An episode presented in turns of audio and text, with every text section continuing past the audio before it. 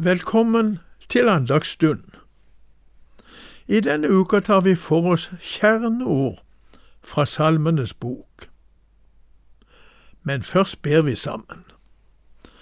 Himmelske Far, så kommer vi til deg i denne stund, og så takker vi for vi får lov å lese ditt ord.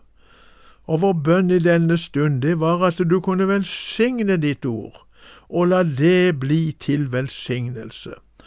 Hør du vår bønn i Jesu navn. Amen. I dag skal vi lese fra Salme 37. Og den salmen har også David skrevet. Og vi skal lese versene fire til og med syv. Og vi leser de versene i Jesu navn. Gled deg i Herren, så skal Han gi deg det ditt hjerte trakter etter. Sett din vei i Herrens hånd, og stol på ham, han skal gjøre det. Han skal la din rettferdighet bryte frem som lyset, og din rett som lyset midt på dagen. Vær stille for Herren og vent på ham.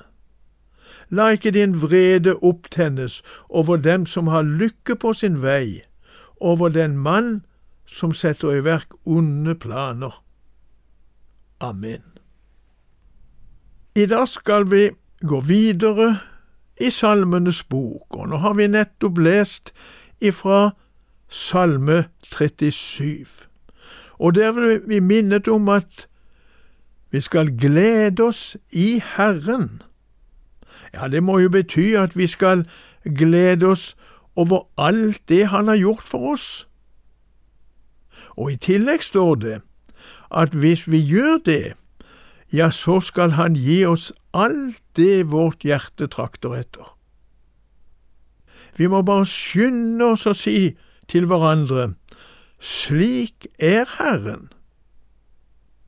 Det neste verset det er veldig kjent. Vi leser det igjen. Sett din vei i Herrens hånd, og stol på ham. Han skal gjøre det. Eller som det står i andre oversettelser, så griper han inn. Det betyr det samme, at hvis vi setter vår vei i Herrens hånd og stoler på ham, ja, så er han der og tar hånd om oss. En troende lege som brukte å tale Guds ord, sa flere ganger når han leste dette verset, som står i Salme 37,5, at dette er normaltemperaturen for en menneskekropp. På samme måte kan vi si om sjelens temperatur at den også bør være i Salme 37,5, at vi setter vår vei i Herrens hånd og stoler på ham. Så gjør han det. Ja, han bevarer oss både i tiden her nede på denne jord og fører oss hjem til himmelen når vår tid kommer.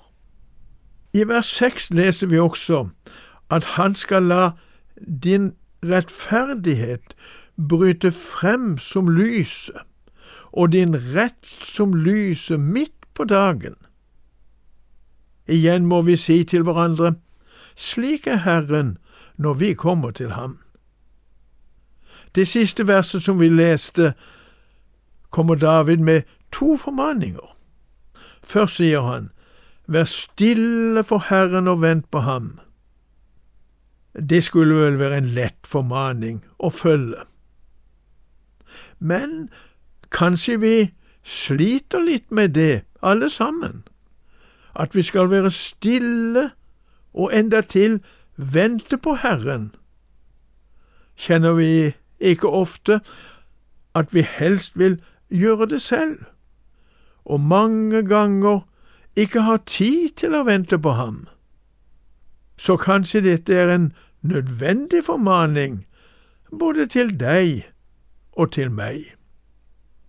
Men så kom det enda en formaning, og den handler om ting i vårt daglige liv. La ikke din vrede opptennes over den som har lykke på sin vei. Ja, vi må spørre hverandre, kan det skje? Kanskje ser vi av og til at vi blir opptatt med slike tanker. Her advares vi mot dette. La heller ikke din vrede opptennes over den som setter i verk onde planer. Vi vil kanskje spørre, har vi ikke lov til det? Men ordet vi har lest i dag, formaner oss til å ikke la vår vrede opptennes over slike ting. Kanskje vi heller kunne be for slike? Men se, det sto det ikke noe om i denne salmen. Men i forbindelse med Jesu bergprekken så kan vi lese i Matteusevangeliets femte kapittel, ifra vers 44 følgende. Be for dem som forfølger dere. I stedet for å la vreden opptennes over den mann som setter i verk onde planer. Ja, slik taler Guds ord. Så avslutter vi dagens andakt med det vi kan kalle for hovedordet er det vi har lest, og da må jo det være det femte verset. Eller om vi sier Salme 37,5. Sett din vei i Herrens hånd, og stol på ham. Han skal gjøre det. Ja, måtte Herren hjelpe oss til å sette vår vei i Herrens hånd og stole på ham. Takk for i dag. Alf Christian Tellefsen delte Guds ord med oss i dag i serien Over en åpen bibel. Den produseres av Norea Mediemisjon, og du finner vårt rikholdige arkiv av andakter på norea.no.